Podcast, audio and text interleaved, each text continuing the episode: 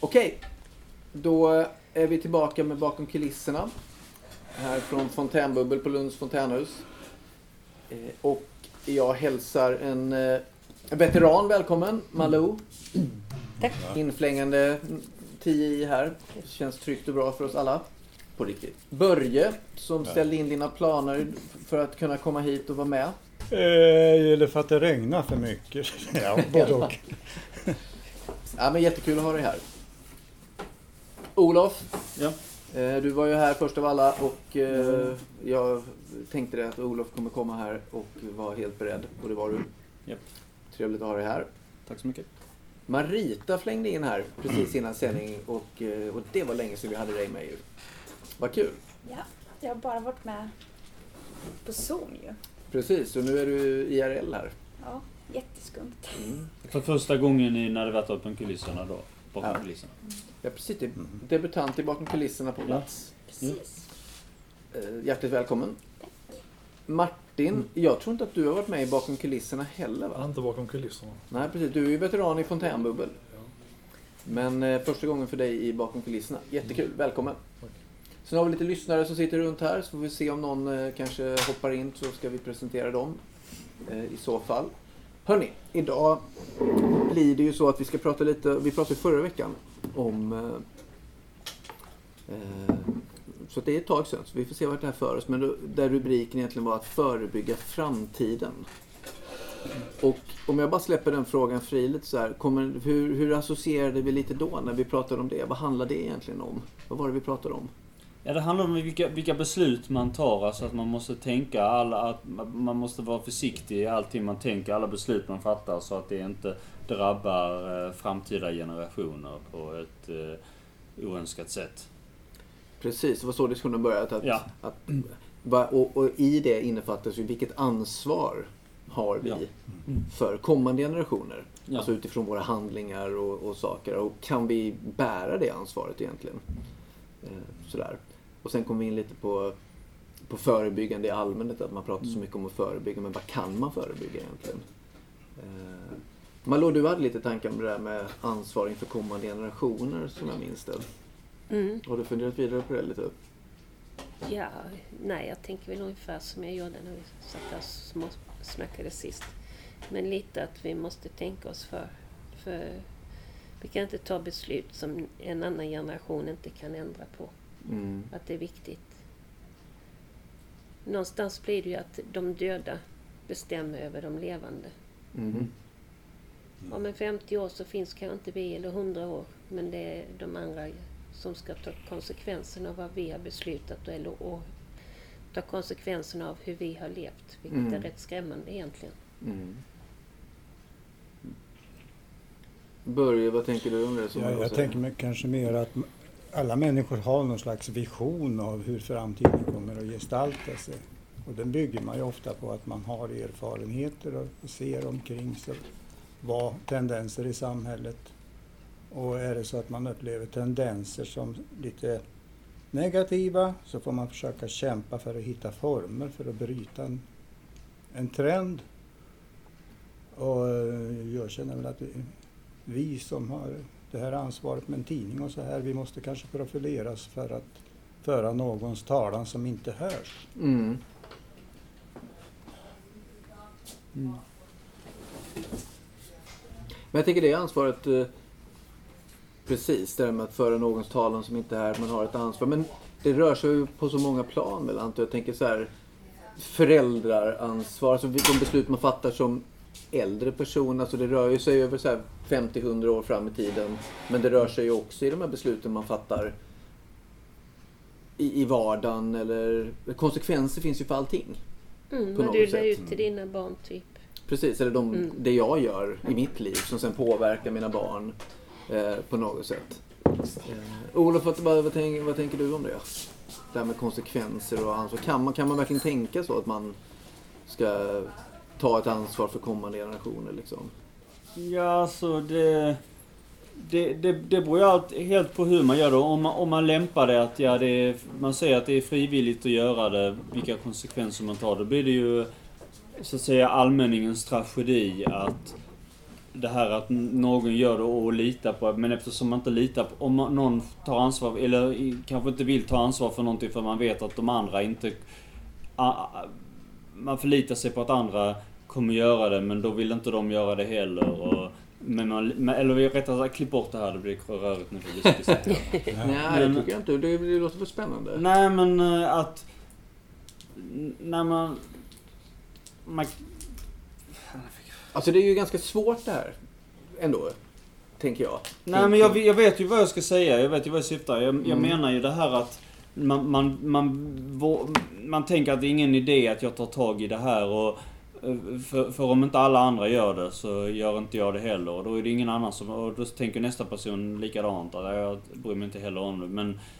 Eh, så det är ju liksom i- incitament... Det, det behövs liksom alltid incitament. Antingen regler eller incitament av olika slag när man, när man tar sådana beslut. Allting, allting kan inte vara att, ja, vad man själv känner för. Liksom. Det, Nej, att det behövs en struktur det behövs en struktur. ovanifrån på något Ja, vis. ja, precis.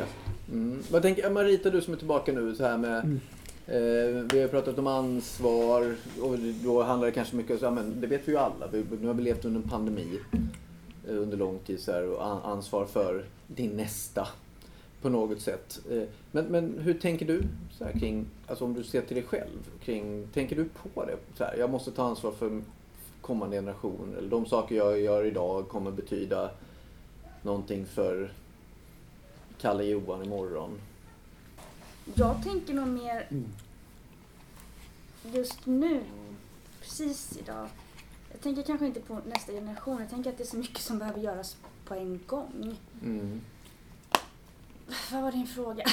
Nej, jag tänker just den biten att, att utifrån eh, dig själv tänkte jag bara säga väldigt så här. Vad, eh, är det här någonting, vi kan, man kan prata om detta teoretiskt liksom utifrån att förebygga en framtid utifrån det vi gör idag och sen. Men tänker du på det? Ja, Mm, du tänker på det? jag Mm. tänker ganska mycket på orättvisa och vad som är fel och hur människor behandlar varandra. Och, och, eh, och jag försöker nog säga till där jag har befunnit mig förut på arbetsplatser, skola, när jag ser saker som... Då tar jag ett ansvar för att jag ser till, för kanske någon annan vågar inte. Mm. Oftast vågar inte någon annan. Mm. Nej, det egna ansvaret, precis, det kommer ju påverka andra såklart. Så det sitter ju ihop, tänker jag, precis det. Det ansvar vi tar i vardagen. Jag tänker att om jag inte säger då, då är det ingen som säger. Då blir det inget. Mm. Så då måste man vara den här jobbiga typen som egentligen inte är jobbigt, tycker jag, utan egentligen är moraliskt rätt. Mm. Funderar du aldrig på vad som händer om 10 år eller 20 år om vi fortsätter leva på det Jag det sättet är eller om vi gör si eller så? Jag tror det är redan kört. Precis Du som tror att det är kört? det är ju många, många generationer före oss som har missbrukat jorden om vi bara pratar om miljö. Så där tror jag att det kommer gå åt helvete. Fast jag hoppas ju att det inte ska det. Mm. Nu ser då vår bild ut som förebilder för yngre. Ja, Fast jag, det här hände ju före oss, Mm. före mig liksom. Och det är ju bara kapitalistiskt som styr det. Det är därför det ser ut som det gör. Och så länge kapitalismen styr så kommer det aldrig åtgärdas. Men vad, men, vad menar du att eh, kapitalismen Pengar. styr menar du? Alltså, me, menar du när det, gäller, när det gäller, inom vilket område tänker du? Alltså, Det pratar- tänker det vi miljö? miljö. Tänker vi mi- miljö? Det var det, ja. Men miljön är väl den stora frågan såklart för framtiden för oss människor. Men där är det ju alltid en väldigt svår fråga för det har alltid, det har alltid förutsett för att, för att miljön har kunnat utvecklas. Vi har ju nått, nått ändå väldigt stora framsteg på många, även om vi, vi har fortsatt med transport och sånt där med utsläpp, så har det inte alls, så har, så har ändå utsläppen minskat. Och då har, man har hittat en massa tekniker och sådär som vi har, som faktiskt har varit möjliga att göra just genom marknadsekonomi att ha, att ha uttryck, eh, utvecklat nya tekniker. Medan till exempel i Sovjet så hade de aldrig, lyckades de aldrig eh, när ekonomin var så när de inte tänkte i de termerna och så blev det, så blev det också ekonomin väldigt lidande. Så det är ju, för, så det är ju lite både och menar jag. Att det, det behövs ju ofta framsteg liksom i, i, eh, på något sätt med... Men det är väl en paradox här, våra framsteg dödar ju oss. Alltså utvecklingen Alltså, av vindkraft och solceller har ju kommit väldigt långt. Ja, jo precis. Det är det jag i Europa, Så, så det jag menar, så man kan inte säga ensidigt att allting med miljön blivit sämre. Vissa saker har blivit bättre, andra saker har kanske... In, vissa saker har man kanske tänkt lite för mycket till att eh, tillväxt är bra för sakens skull. Men samtidigt har man ju nått, har man ju nått framsteg just på grund av, eh, på grund av utvecklingen, den tekniska utvecklingen och, och liknande. Men jag tänker att det är inte det paradoxen. Att vi når absolut, det går inte emot sig att vi har nått framsteg. Mm. Men vi, det är också så att det är de framstegen som kommer döda oss. Hur Alltså- vet vi det? Nej men jag tänker som vi tittar ja men det är ju ett faktum. Jag hörde att när- senast en podd vi, ni pratade om i somras här. Ja. Där du Olof sa att det är ju ganska ändå belagt får man ju säga att generellt sett så är uppvärmningen Ja. oerhört mycket större på jorden. Ja. Sådär. Och den går ju definitivt att koppla till Ja. mängden människor som i sin tur är kopplade till de framsteg vi har gjort. Så att det är ju en paradox. Men jo, det är en sak, men där handlar det också om hur, hur man väljer. Man kan ju, om man väljer, här, här är det att man använder mycket gammal teknik, så här kol och olja, den, den typen Okej, av... så ni är lite teknik eh, i, i, i den här teknik... eh, Vad heter det? Rädda världen. Ja, lite Ja, grann vad bra, men så. då, då lämnar vi det lite. Börje var inne här också. Ja, jag tänkte väl lite grann, det, eh, det, vi är inne på en ganska dystopisk tankegång här. Och jag, jag har ju kanske förberett mig på något annat sätt där vi kanske kan konstruktivt jobba för att eh, bemöta de behov som människor uttrycker idag. Och det människor känner att de saknar i, för att kunna vara delaktiga i framtiden. Alltså- hur, hur tänker du då? Vill du utveckla jag lite? tänker mig det att vi, vilka medier ska vi kunna använda för att kunna vända på en utveckling som till synes går åt pipan? Har vi några möjligheter att använda oss av de medier vi har idag eller ska vi på något vis eh, låta utvecklingen gå, låta politikerna fatta sina beslut och hålla en någon slags teatral diskussion sinsemellan som vi befinner oss idag? Eller ska vi idag poängtera vad som är fel? Vad vi upplever som fel och vad utnyttja de medier vi har. Vi har vår egen tidning och podd här. Och det är en viss distinktion ge oss på vad som egentligen är på väg att gå fel. Ja, men hur, precis. Du tänker konkretisera, hur når vi ut med Vi når vi, vi ut, ska sitta men- här och prata liksom. Men, Mm. mm. Jag tycker det är viktigt att man för ut vad man tänker, lite som Börje säger. Men sen tror jag att man kan påverka väldigt mycket med hur man lever och hur man väljer att konsumera också.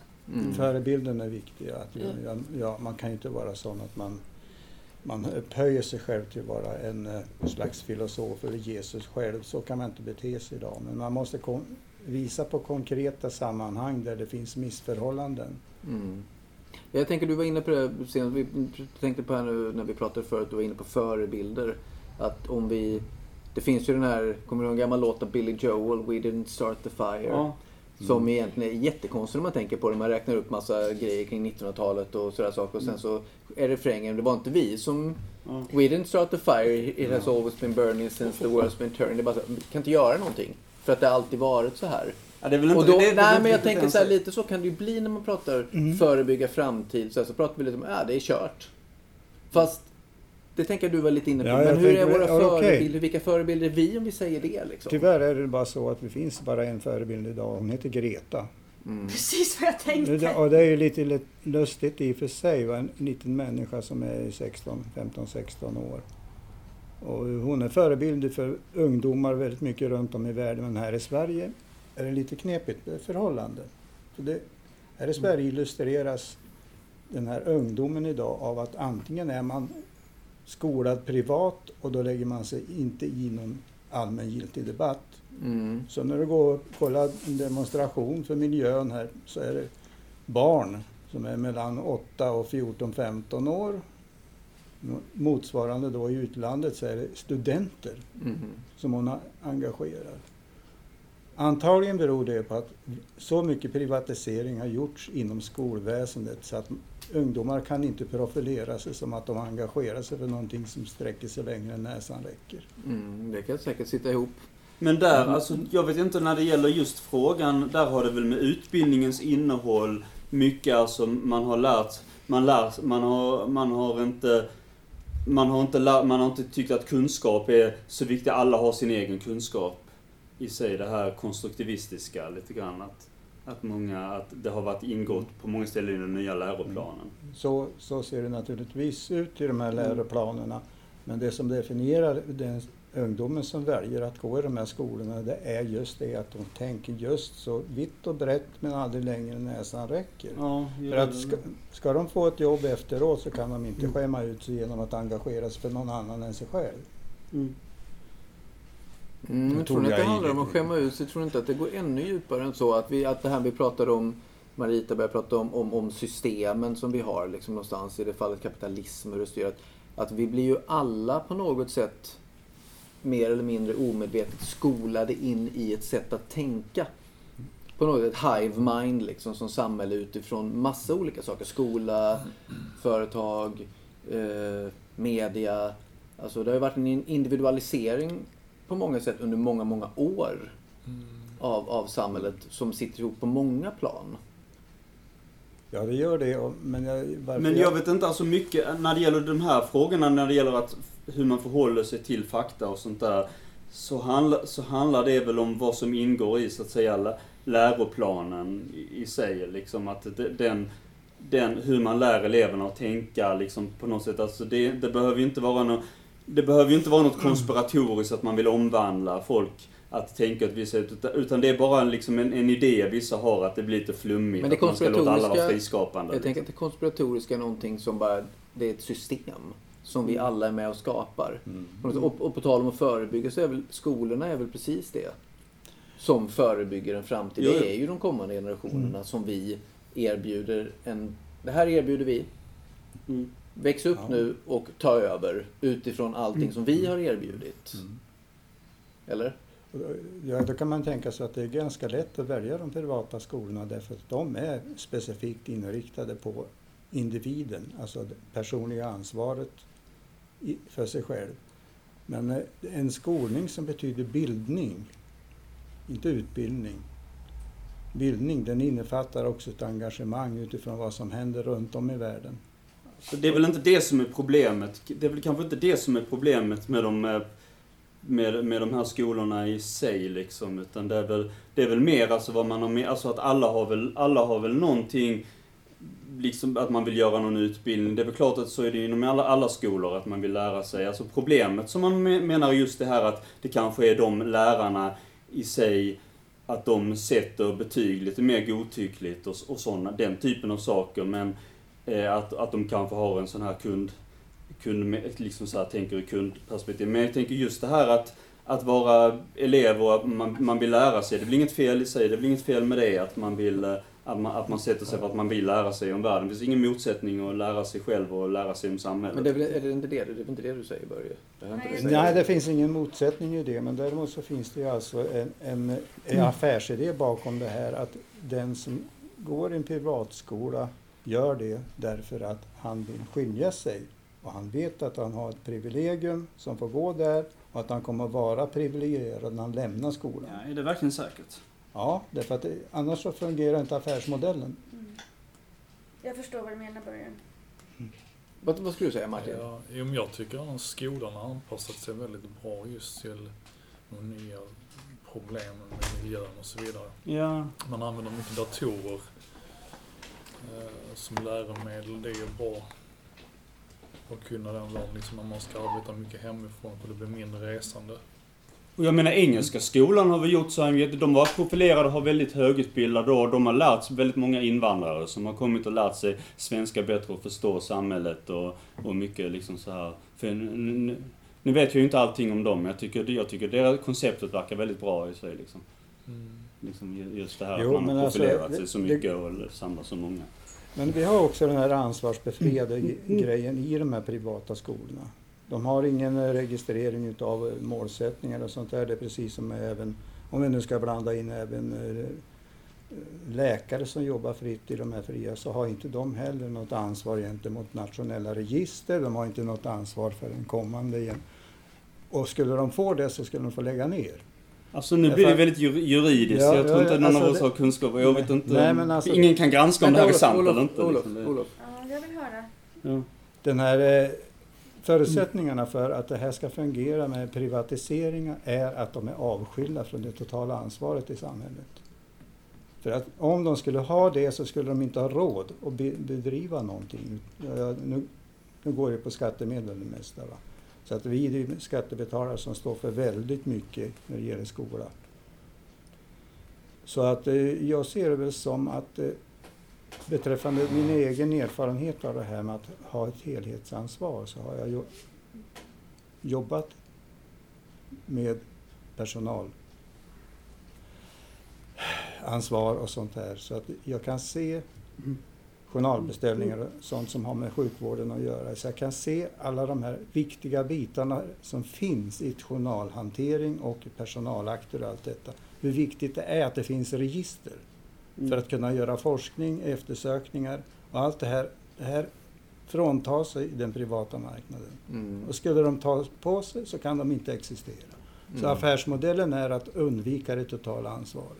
Alltså jag vet Ja, det- inte, alltså är det, är inte det, alltså jag, jag vet ju inte när, vad vi pratar om riktigt men det finns ju vissa myter om så här aktiebolag och man menar Men du vänta Olof, Olof, liksom Olof. Jag tänker lite så här att man behöver inte gå in på specifika. Det, det, jag tror det här, nu pratar vi om ett, ett större perspektiv på ansvarstagande för någonting annat, för en framtid. Ja, det- så här. ja. Och det är väl det, jag tänker så här. Jag tänker att här kommer hålla på massa juridiskt som ingen kan kolla om det stämmer. Liksom. Men Olof, nej men vi kan inte kolla vad du säger om det stämmer heller. Utan det vi pratar om här är ju vad vi alla vill. pratar ju om saker som vi känner och tycker här liksom så här. Men om Så det att- inte är sant, om det sägs en massa Men jag vet man inte vad, jag upp om vet det inte inte, är sant. Olof, Olof, liksom- Olof, jag vet inte allting du säger om det är sant. Alltså det går inte att ha det som någon slags måttstock här ju, just nu i detta. Nej, liksom. nej, nej, men det blev väldigt jur- juridiskt nu att det här och det här gäller, men sen kommer man upp och det gäller inte alls. Och liksom, då, är det väldigt, då argumenterar man mot en halmgubbe nästan. Liksom, sådär. Vet. Och Okej, jag liksom formulerar, formulerar mig från eh, vad de motsättningar som jag ser i samhället. Men jag tycker också att vi ska sitta här och diskutera vilka vägar vi ska gå för att kunna nå någon slags eh, framtidstro i detta, de här konfliktfyllda, motsäg, eh, motsträviga företeelserna vi har i samhället idag. Att om du väljer något privat så har du några helt andra förutsättningar. Så att det, vi har alltså en inbörd, inbyggd konflikt mellan det privata och det offentliga. Alltså, Men det, det har finns... vi ju. Vänta Olof. Mm. Jag tänker så att om man kopplar det till det som du sa Malou här med att de döda styr över de levande. Mm. Sådär. Det sitter väl ihop ur ett, i alla fall ett metaforiskt perspektiv kring registrering, kring större system. Liksom någonstans. För så är det ju.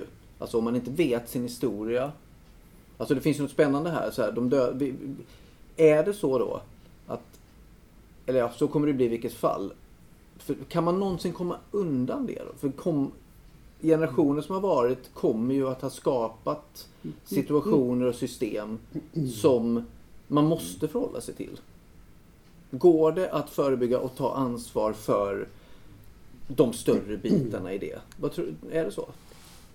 Jag tror inte att man kan det helt, men man kan jobba för att det ska bli så bra som möjligt. Mm.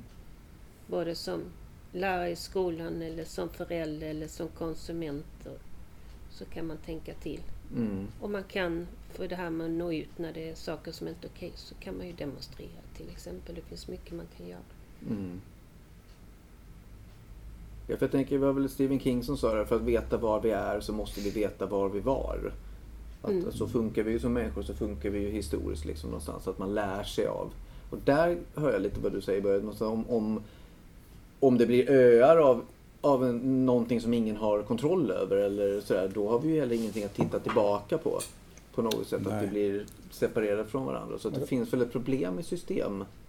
Så Jo, men alltså- oavsett om man går in på politiskt eller inte Ja. så finns det väl ett, ett problem i ett system som delas upp i små öar där vi inte längre jobbar mot ett gemensamt mål.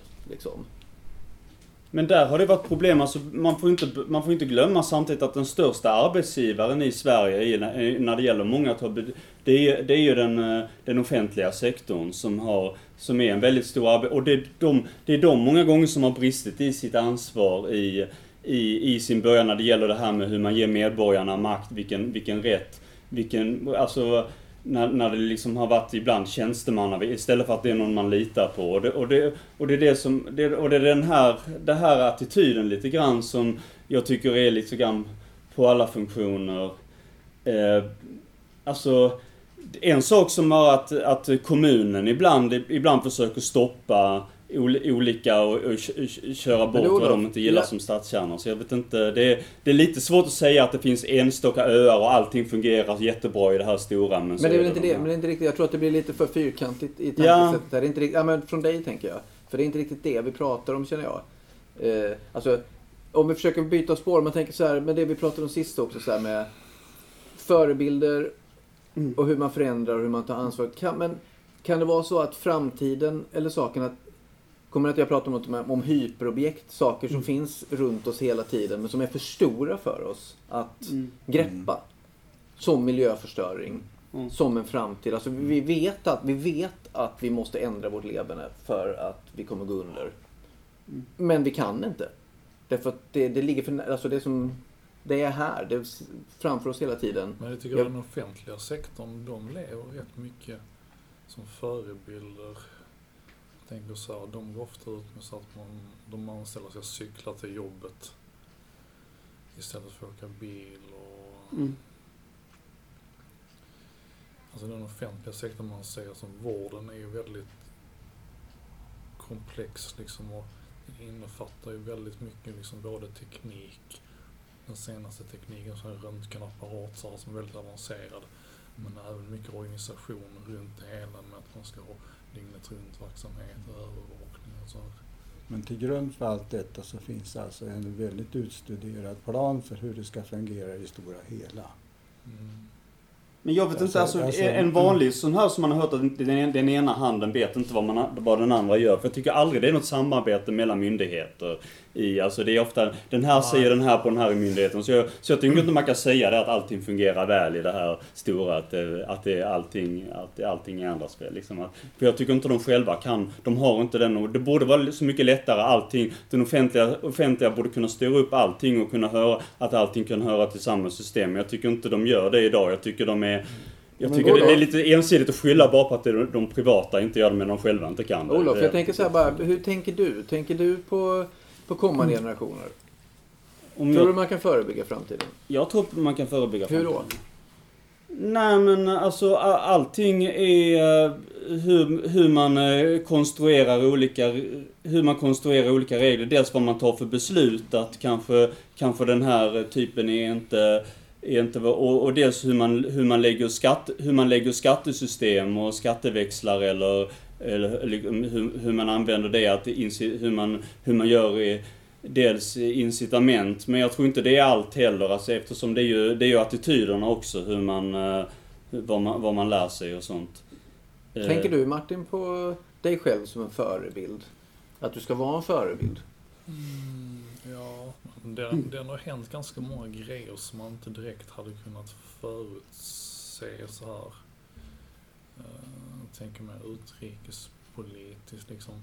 Som när USA gick in i Irak, då trodde man mm. att ganska stor grej liksom, det är sista som sker. Men sen var det Syrien också.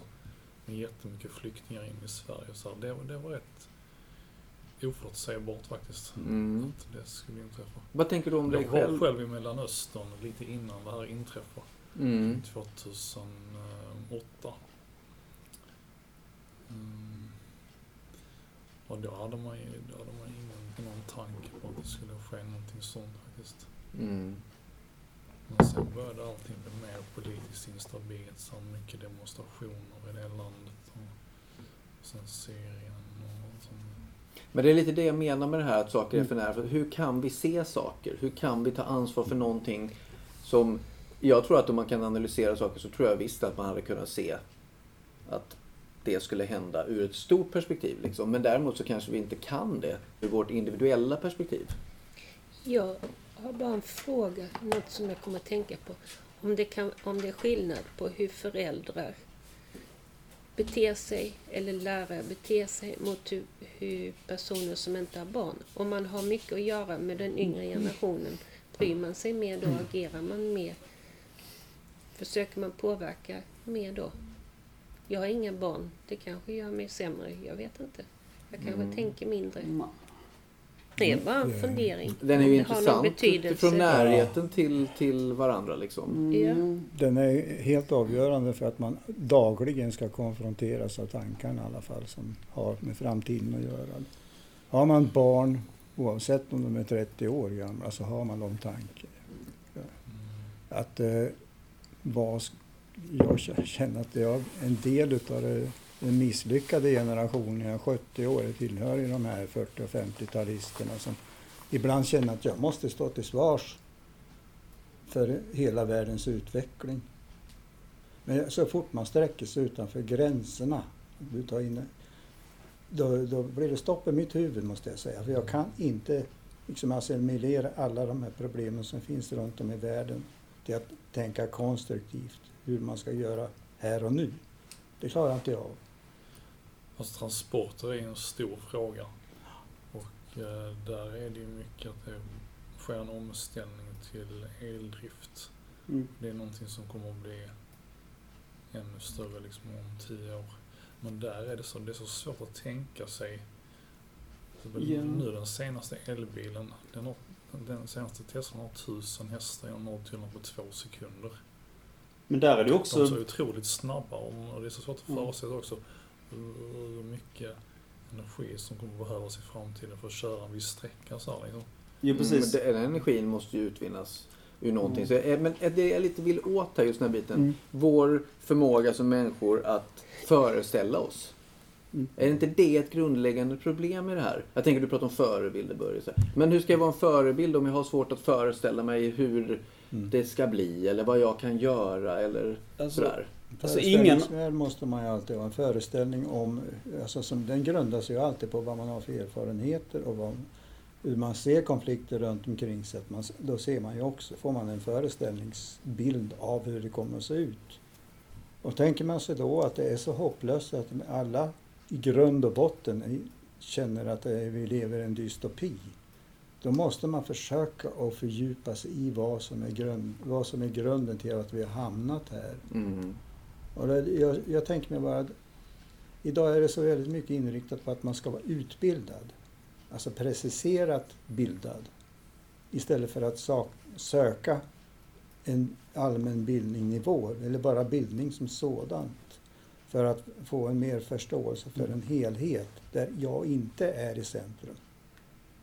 Ja, det är jätteintressant som tanke. Vad skulle du säga Olof? Eh, nej men jag tänker att det här med el, om vi, om vi tar, det är också en framtidsfråga det här med vad, vad, elbilar och så, där kan man ju säga att det vi, vi pratade om teknik och så, liksom så här, vad det liksom att lösningen och så, men det, det, det, ska, det, det gör ju inte att man inte kan vara självkritisk för den sakens skull och tänka att det finns ju nackdelar, det finns ju hur, hur till exempel elbilar produceras i vissa, att det är liksom att eh, hur det tas fram, att det inte är på opt optimalt sätt alla gånger. Hur man, Ja, så de det, innehåller ju koboltbatterier. Jo, precis, så det- det är liksom inte- som, sånt, måste man, ju sånt, sånt måste man ju tänka eh, på också, vara kritisk och alltid prövande. Så det finns ingenting, det finns ingenting som säger att man är, att eh, liksom, att allting bara är tuta och köra liksom och att allting, allting löser sig. För det är ju en karikatyr av, eh, av teknikoptimismen, av utvecklingsoptimismen. Jag tänker tillbaka till det Börje sa här med, med, med om man försöker tänka lite större än konkreta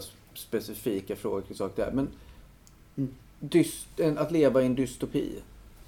Alltså, för det, hur förändrar man någonting? Hur förebygger man någonting om perspektivet är dystopiskt? Kan man det? Ja, då blir det en rätt, nihilism av det, att man skiter i vilket liksom lite grann. Att, ah, Ja, och då har vi generationer som växer upp nu Ja. med en bild av Mm. att Och då ska du förmedla det till dina barn. Och ja, du ska sätta dig in i den rollen. Mm. Och då blir du tvingad att tänka om lite grann. Herre Jesus, det här funkar ju inte. Mina barn måste ju ha tro på framtiden. Mm, jo, precis. Mm. Har du en tro på framtiden, eh, Malou? Ja, jag vet faktiskt inte. Det är väl mycket som är svart tycker jag. Jag Mm. tänker... Och en hel del som vi vet redan där vi måste göra någonting när det gäller regnskogen, när det gäller det här med miljöförstöring och allt möjligt sånt. Mm. Och där jag inte vet om vi någonsin kan komma till rätta med det. Mm. Men visst, jag hoppas ju. Klart. Mm. Har du hopp Marita för framtiden?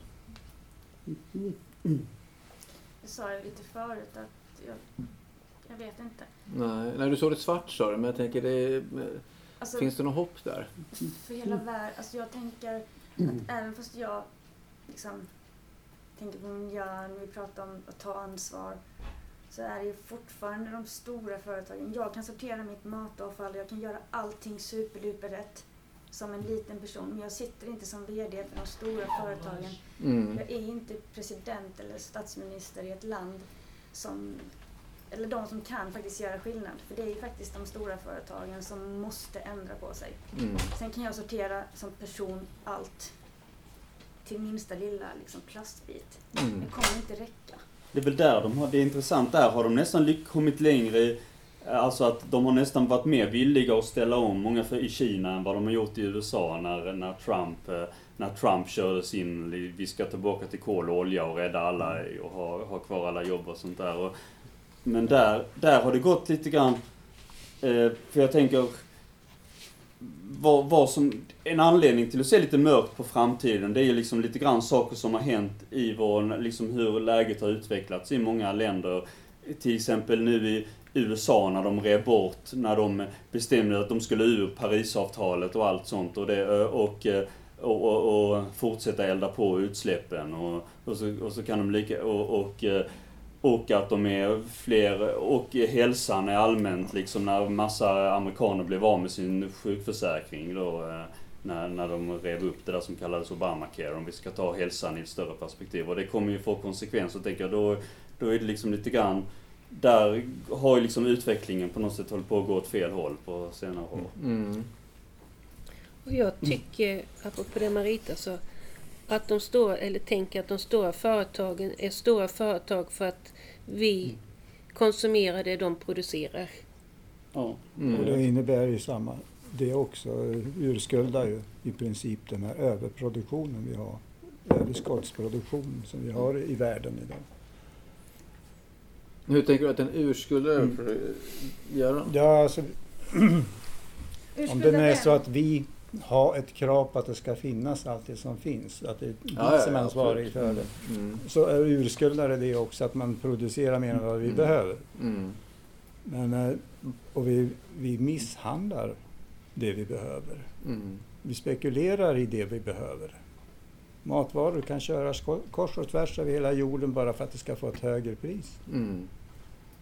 Så det finns ju på det planet finns det ju väldigt mycket att se över. Vad behöver vi producera? Jo, vi behöver kanske mer produktion. Vi behöver mer lokal produktion förmodligen. Ja, alltså, vi kan, ja men det vore ju en bra led. Alltså mm. det är närproducerat. Ja. Men det är inte frågan om det utan det är matvaror. Det är sånt som vi köper från Sydamerika. Ja, men ju mer, ju mer vi har själva desto mindre behöver vi kanske köpa från ja. andra.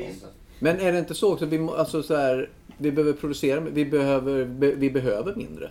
Än vad vi säger att ja, vi behöver. Det kan nog vara så också i vissa fall, liksom att vi behöver till exempel kött och sånt, är det inte alls, kommer vi nog behöva, kommer, kommer vi nog finna oss i att vi inte, vi inte kan, kan konsumera i samma utsträckning. Ja, men är det så att vi köper närproducerat, då vet vi vad vi behöver. Mm. Men om vi importerar allting ifrån, ett tag så köpte vi till och med kött ifrån Uruguay och allt möjligt som var preparerat med någonting för att det skulle vara. Alltså det är massor med sånt frukt.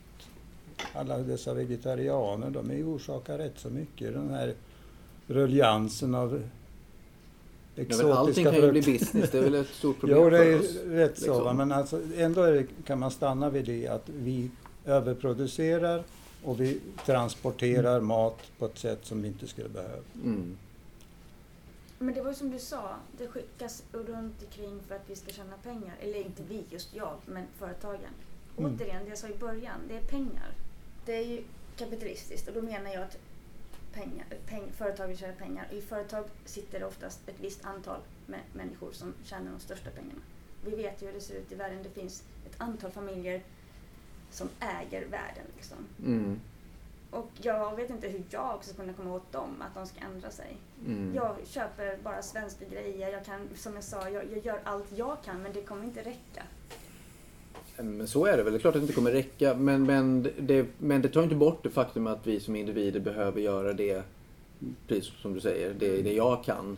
För där i ligger väl, tänker jag, lite det Börje och Malou var inne på, för det här förebildsbiten också någonstans.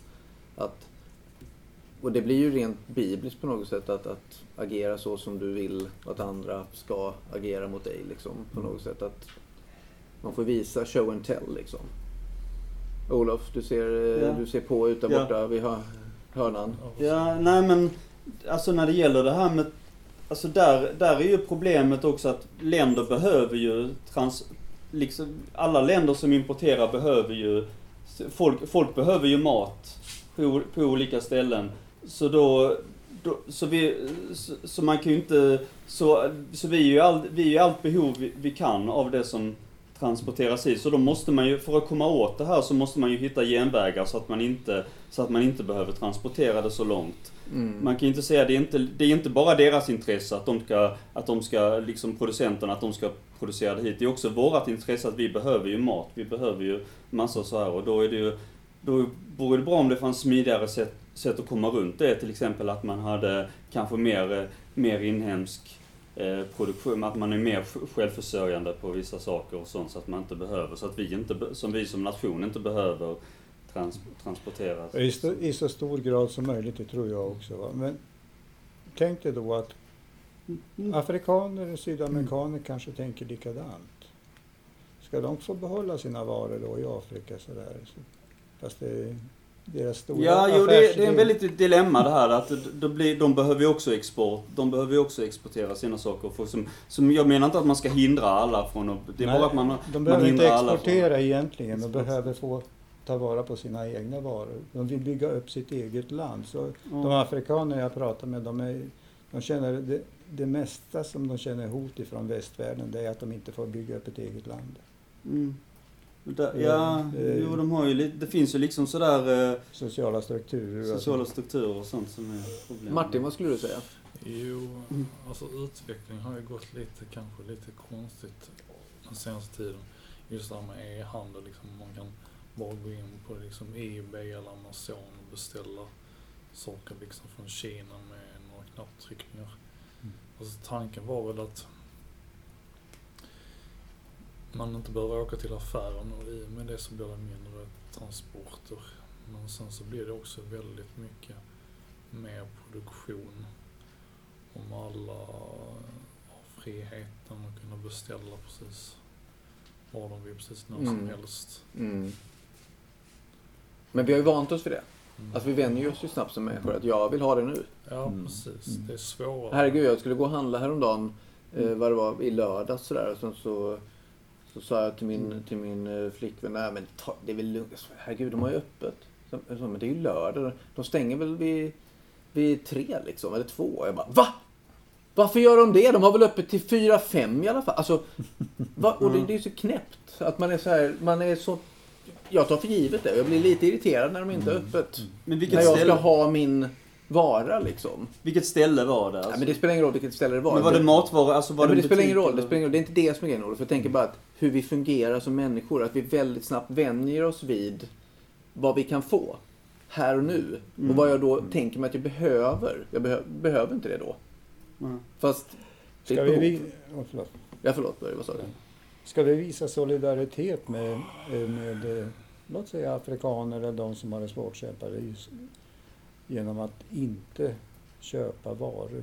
Från, att de, solidariteten ska alltså se ut, rikta sig så att de själva ska bygga upp sin egen samhällsstruktur. Och det här med att vi ska kunna köpa deras varor. Det kan vi inte om de, om de släcker sina egna behov först och främst. Nej, nej. Det går. Men solidariteten som vi börjar prata om är ju också solidariteten med kommande generationer. Mm. på något sätt. Att, att... Jag bara tänker, det är ju intressant om det här hur man vill att... Vill, ja, det är en helt annan grej, mer en filosofisk fråga, men att vi vill ju så gärna leva kvar också i, i, i våra barn. I Mm. våra, alltså våra minnen ska leva vidare. Mm. Eh, på något vis. Och då, mm. då, är det ju intressant med förebildstanken och vem mm. kommer jag vara inför mina barn ur ett större perspektiv när jag såg till att inte göra ett skit. Där måste man tyvärr lägga till det där att barnen redan vid 12 års ålder börjar snegla lite grann utanför hemmets väggar som förebilder. Det börjar ännu tidigare. Ja, det, det där går ner och ner, jag vet ja. det. Va? Men för, för 20 år sedan så var det 12 år, nu är det 10 mm. antagligen. Mm. Och då är de inne i, en värld där allting är tillgängligt som vi har skapat dem. Ja, vi, vi uppmuntrar dem till det här att ta reda på hur du ska få tag på vissa saker billigt. Och du ska gå in där och där på det nätet, det där är billigt och så. Så vi, vi skapar alltså shopaholics. Ja, det är klart vi gör. Det gör vi. Mm. Och det brottas vi med eh, sen också under, när de blir äldre, att det är de blir, ja, ser de här tillgångarna som givna. Vi har gett dem dem. Mm. Men för att återgå till någonting som där är balanserat så finns det kanske, det är där mm. jag söker nya vägar. Alltså, det är en motpol till det här algoritmernas värld om man säger så. Där allting är köpbart man bara har kontakt med dem som har sina själsfränder. Och så. Om man har, försöker hitta motpolerna där så hittar man också vägen till bildning som inte är styrd.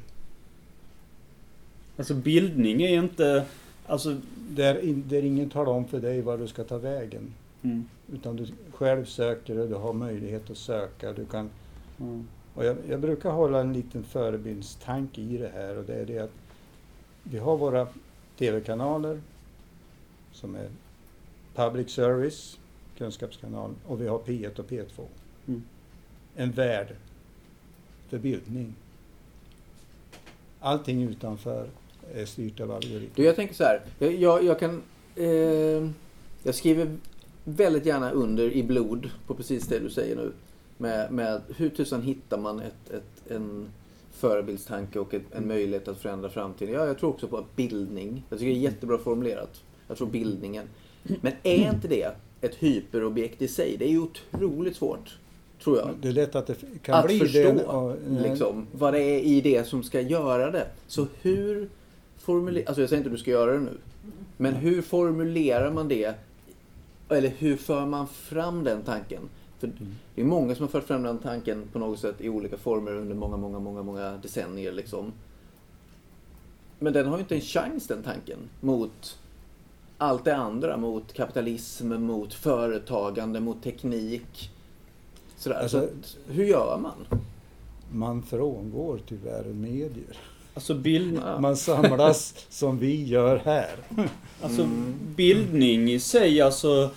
Det, det är ju inte ett problem med det, alltså det hade man gärna velat man hade gärna velat att det skulle vara så enkelt att om, all, om alla blir bildade så skulle alla tycka likadant. Enkelt Olof? Men, men så är det ju inte. Nej men jag tänker så är det enkelt. Jag tänker att bildning är så oerhört stort. Det är väl oerhört ja. komplext. Ja, men jag menar lösning, bara för att man är bildad eller har hög IQ eller har en massa poäng i olika så betyder ju inte det att man är, att man är förnuftig. Man kan ju fortfarande, man kan, man kan ju fortfarande vilja liksom det har funnits undersökningar som visar att de är lika oavsett när det gäller vapenlagar i USA så är det ganska jämnt de som vill ha hårdare vapenlagar, de som inte vill ha några. Och de som förnekar den globala uppvärmningen, ibland väldigt utbildade de också. Så det är, ibland så väger ju politisk ideologi tyngre än själva...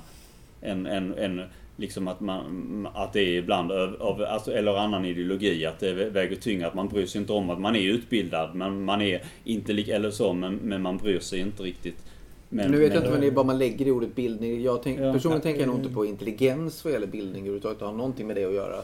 Utan snarare en, en solidaritet, att det skapar en större världsbild. Liksom, sådär. Att man medvetet söker sig efter att få ett större omfång i sitt förstånd. Eller vad ska man kalla det? Att jag är alltid inne på det här med att eh, eh seminarietyper, forum, att man träffas ganska så mm. spontant och sätter sig ner. Och jag behöver inte gå så långt tillbaks i tiden för att uppleva det här, liksom att det var det innan då sociala medier tog över att man hade väldigt mycket forum och seminarier och diskuterade och där, olika intressegrupper träffade varandra. Och gav varandra erfarenheter. Alltså. Och det här är lite grann som samhället var uppbyggt innan de sociala strukturerna började formas. Att man ville mötas och tyckte att det var väldigt intressant att möta andras åsikter. Mm. Men grejen är att alla behöver ju inte tycka likadant Nej, bara för att det... de är utbildade. Det är inte så att, att det finns en sanning som alla skriver under på, även om man ibland nästan kan tycka det själv. Liksom, att ja, men om man ser bildning som ett möte då. Alltså att mötet i sig som börjar efterlysa. Ja. Så att detta är ju en mötesplats. Ja. Vi möts ju här. Ja. Gudarna ska veta att vi inte tycker likadant. Men vi möts ju här.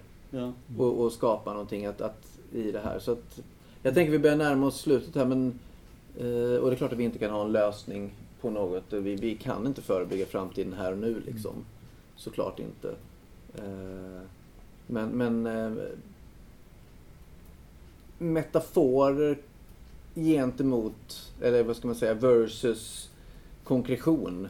Där ligger ju vår problematik. Bild, pratar man bildning så blir det lätt att det är det här. Pratar man eh, framtid så blir det lätt att det blir politik. Pratar vi det så blir det lätt att det blir teknik.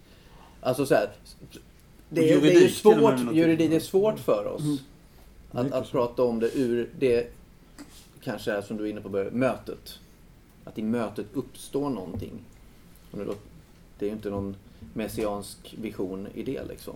Vad tänker du? Alltså, du, ser, du ser oerhört skeptisk ut Malou. Mm. Nu. Oerhört skeptisk. Mm. Nej, jag bara lyssnar. Jag börjar bli lite trött. Mm. Koncentrerad. Precis. Ja, men det kanske är så att det här är ett ganska konstigt, ett svårt tema för oss. Det ligger, det ligger väldigt nära oss och det ligger väldigt långt ifrån oss exakt samtidigt. På något sätt som gör att det är lite svårgreppbart. Kan jag tänka. Jag tänker mig lite grann konfrontationer i det här sammanhanget just nu. Vi håller oss till ungdomar i på högre alltså gymnasier, 20-årsåldern, att de i sin utbildning ett par veckor varje år eller ja, inte ska behöva studera utan luska lite grann i vad de som de här medierna som inte är algoritmstyrda, vad som sägs, vad som debatteras, lyssna på P2 på klassisk mm. musik mm. eller någonting som de aldrig har lyssnat på att de får konfrontera någonting som, aha, finns det här? Men Bara herregud Börje, hur skulle världen se ut ja. om vi gjorde så? Ja, men det är precis det jag vill, att mm. det skulle se ut så. Att, att de ska komma tillbaks efter två veckor och de ska dessutom skriva en uppsats om det här mm. de har upplevt. Och sen bara sätta sig ner och prata om vad de har upplevt. Mm. Vad händer? De bryter ett mönster mitt i studierna. Vad händer då? Mm. Ja, man kan göra ett experiment. Man kan säkert, det finns säkert utrymme för alla sådana experiment man kan göra. Jag tycker hörni, jag tänker att vi ska avsluta det här. Att, att bryta mönster är väl ett bra slutord. Vad man nu än tror mm. på kring det här. Mm. Eh, tänker jag. Så att jag håller gärna i den tanken faktiskt. Om det är okej okay med alla. Mm. Ja. Okej, men då säger vi hej då för idag. Och mm. sen är vi tillbaka nästa vecka. Kanske i form av fontänbubbel. Mm. Så att jag hoppas att vi ses då. Tack ja. för idag. Tack. tack, tack.